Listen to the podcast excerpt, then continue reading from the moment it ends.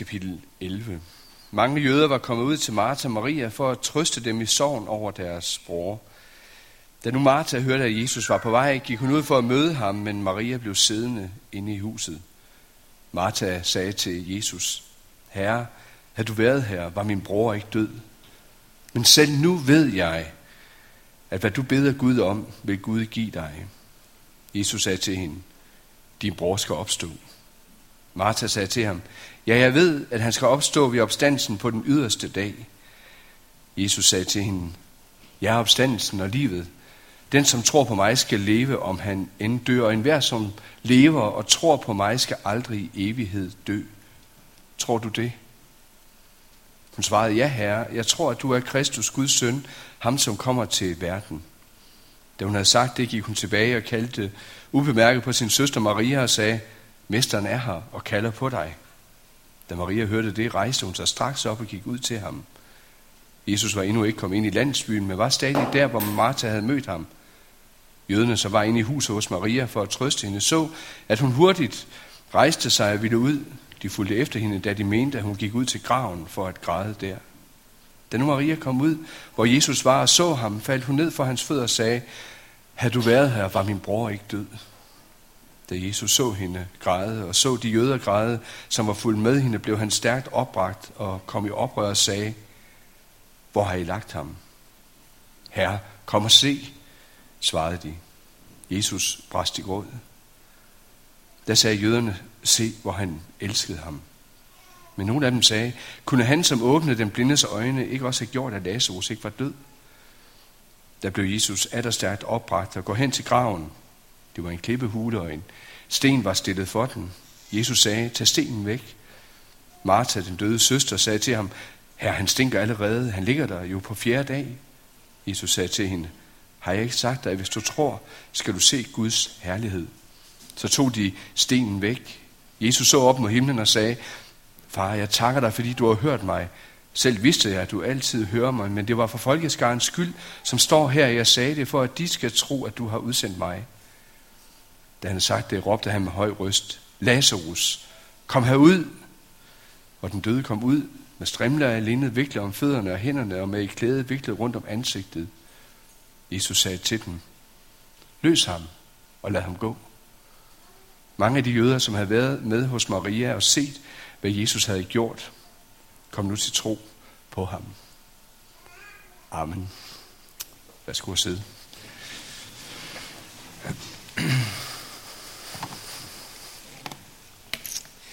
Kære Jesus, vi beder dig om, at du også vil give os tro på dig. Det, som virkelig kan virke så underligt og så totalt anderledes for os i vores verden. Giv os, at vi både med vores fornuft og med vores hjerte må gribe den virkelighed, som du er. Det håb, som du er også for os. Kom du og mød os der, hvor vi er, hver især i vores situation og liv. Måske med sorg, måske uden håb, måske der, hvor vi har styr på det meste. Vil du være nær ved børnene, også når de er til børnekirke nu? Vi beder om, at de må være glade i dig, kende dig, også som deres trøst og som deres glæde her i livet. Amen.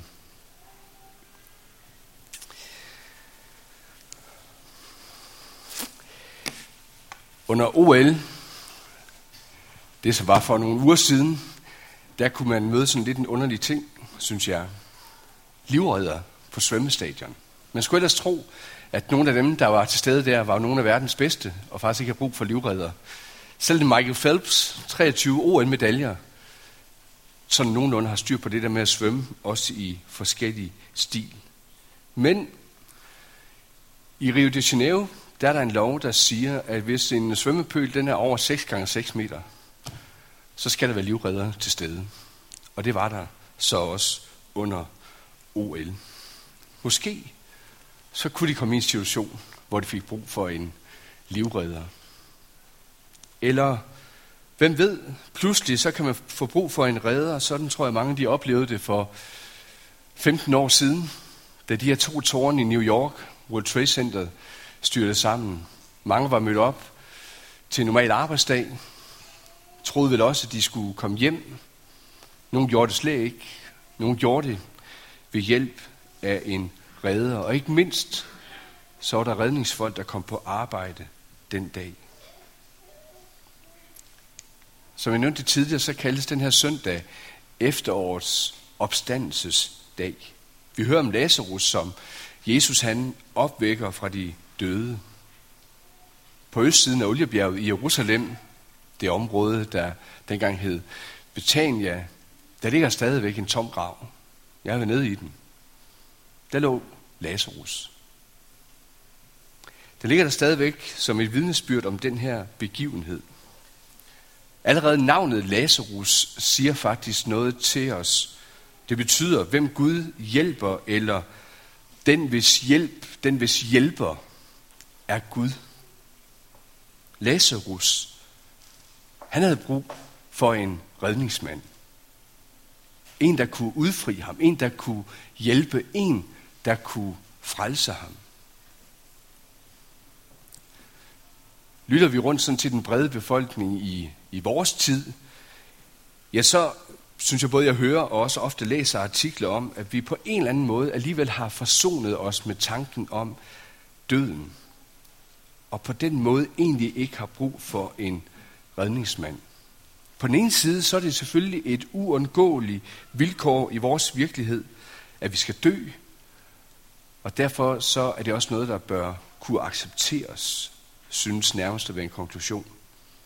Hvor det måske har været underlagt tabu tidligere, så har man i vores tid, i hvert fald de sidste 5, 6, 7 år, kunne skrive meget mere om det, forholde sig til døden, tale om døden. Måske ikke så meget, hvad der sker, når vi dør, men hvordan man kan forberede sig på at dø. Hvordan dødsprocessen kan blive så god for mig, så mulig, eller måske om jeg selv må tage stilling til, hvornår den skal afkortes. Når alt kommer til alt, så er vi bare ikke herre over den situation. Ser man det i Bibels perspektiv, ja, så er døden heller ikke bare noget, vi må forsone os med, noget, der er nødvendigt. Ja, så er døden faktisk en ulykke, en katastrofe. Døden er en fjende. Den tager liv, og der hvor den gør det, der sætter den nogle spor af smerte, af sorg, af tab, tomhed. Så tror jeg i hvert fald, det er i langt de fleste tilfælde. Vi hørte før i læsningen fra, fra Paulus brev til Korintherne, som den sidste fjende til intet gøres døden. Og læser man lidt senere i, i kapitel 15, så står der, at Jesus han kom for at besejre døden. Døden er opslugt og besejret. Med troen på Jesu opstandelse fra de døde og håbet om vores opstandelse fra de døde, når han kommer igen, ja, der kan tonerne nærmest komme til at lyde sådan lidt triumfalistisk i mødet med det. Så kunne jeg næsten få det før med den sang, vi sang lige før vi hørte de her læsninger. Fordi det her håb, det er med til at give det kristne håb noget tyngde. Der er noget håbefuldt at holde fast ved.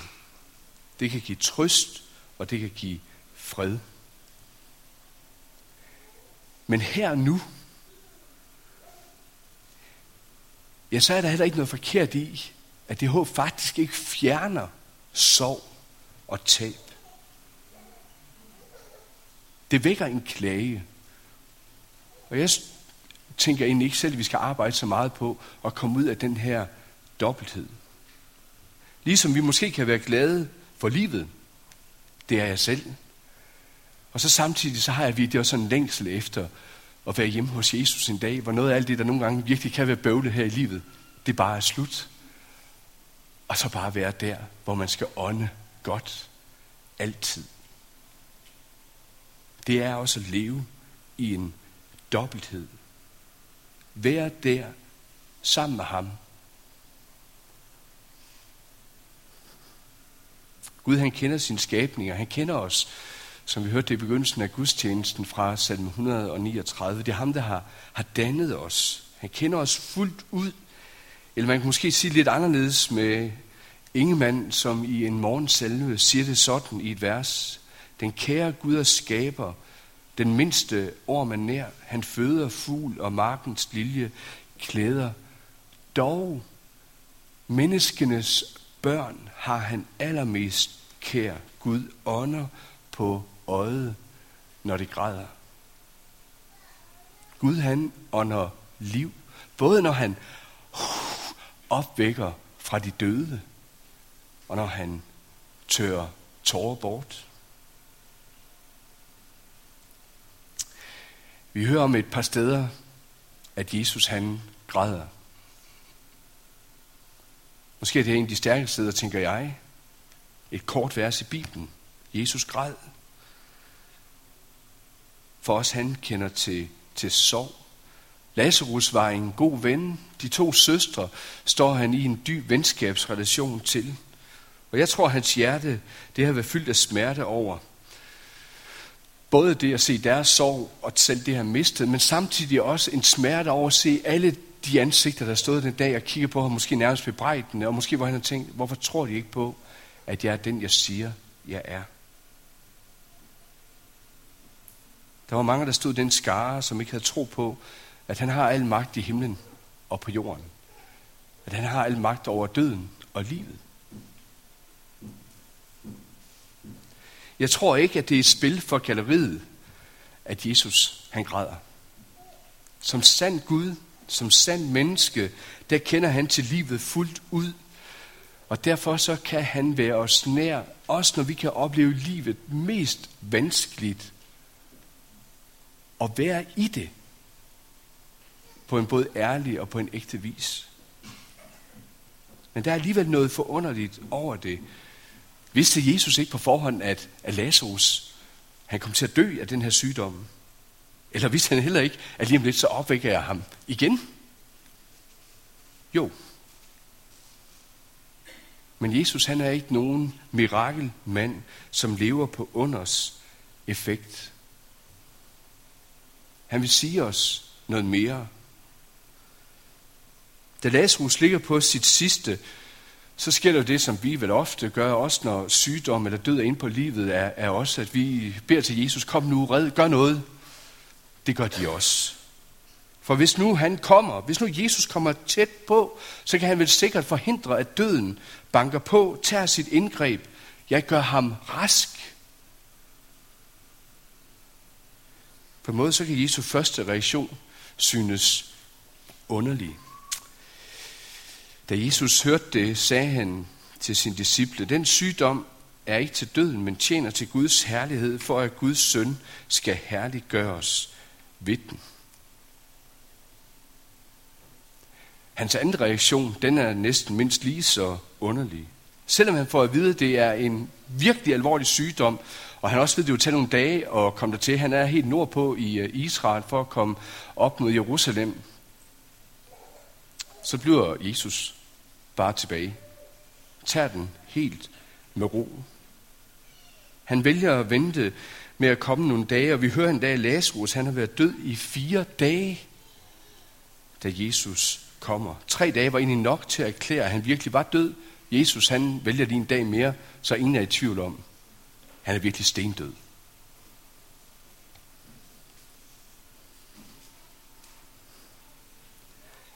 Kan man behandle sine venner på den måde?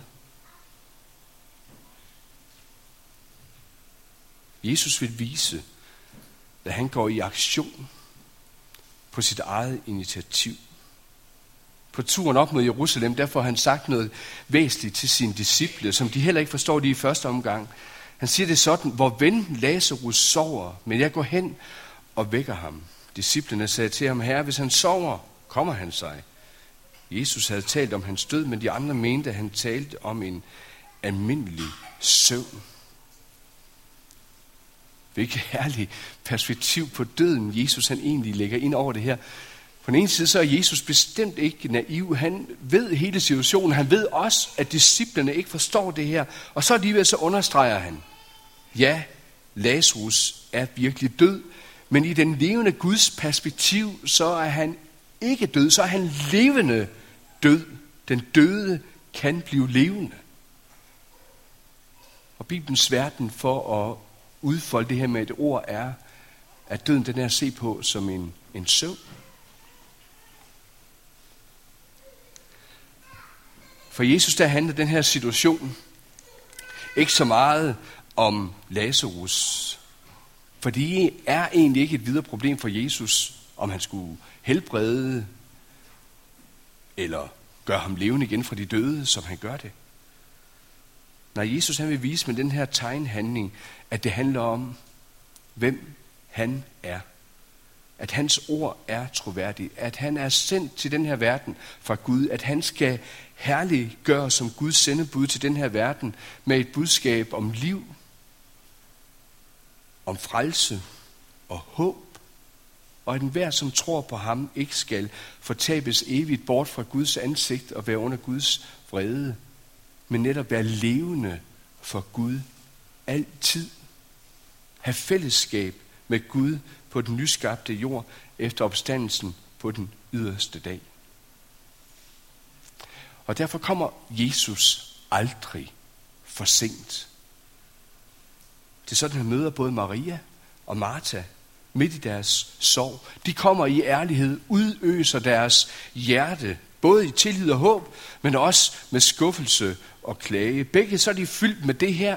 Vi hørte hos dem begge. Herre, havde du været her, var han ikke død. Jesus han taler til dem. Han taler med dem. Han viser dem omsorg. Og havde vi haft noget længere tid i dag, så skulle jeg gerne have udfoldet, hvordan han gør det på en måde, som man overhovedet ikke ville have gjort på den tid, og særligt ikke som en rabbiner. Han bryder alle mulige regler for, hvordan man kan være sammen med mennesker i sorg, eller der, hvor der er en død. Martha, hun kender sit gamle testamente. Hun tror på en opstandelse på den yderste dag, men ikke nu. Men Jesus han kobler det her sammen. Og så siger han om sig selv, for at give det perspektiv ud fra sig selv, at han er opstandelsen og livet. At det kun er ved ham alene, at det sker. Opstandelse, det er evigt liv, og det bliver kun til evigt liv for den, der tror på ham.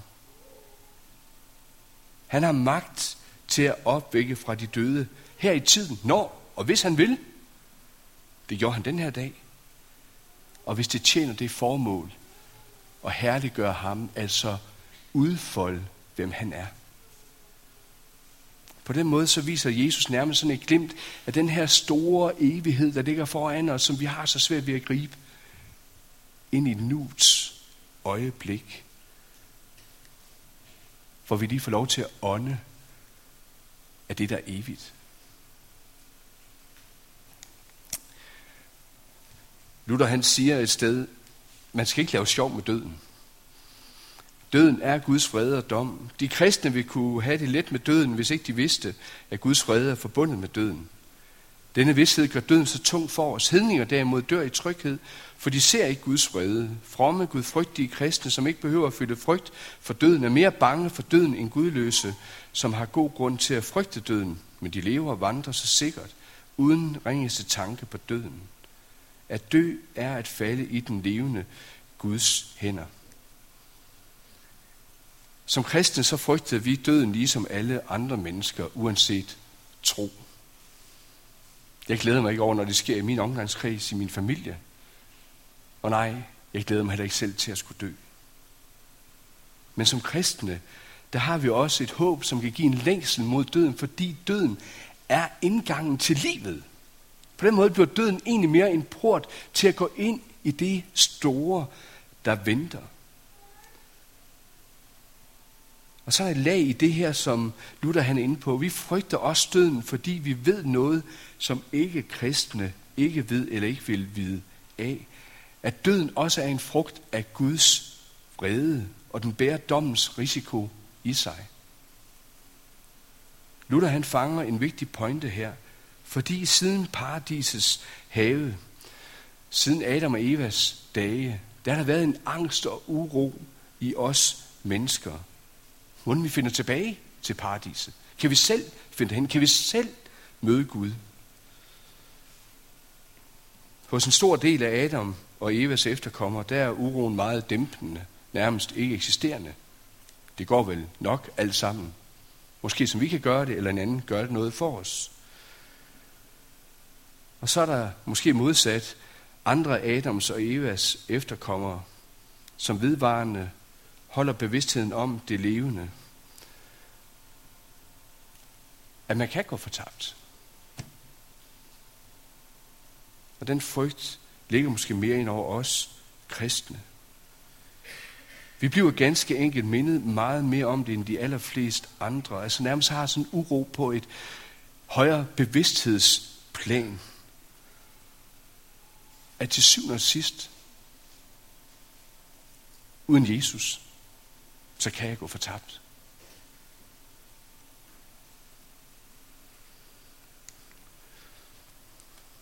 Du som ikke altid har været en kristen, måske sidder du hen i dag, eller måske er et troende menneske, måske er blevet det for nylig.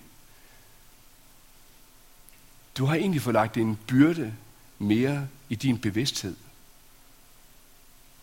Fortabelsens risiko. I den forstand, at døden ikke er en endestation, men begyndelsen på den evige dom. Det er i denne virkelighed, Jesus han taler til os nu, når han siger, jeg er opstandelsen og livet. Den, der tror på mig, skal leve, om han end dør. Og enhver, som lever og tror på mig, skal aldrig i evighed dø. Tror du det? En hver, som lever og tror på mig, skal aldrig i evighed dø. Jamen det skal vi vel. Ja, det er rigtigt, vi skal dø. Og så nej, det skal vi ikke, for døden, i døden, findes ikke mere for den, der tror på Jesus.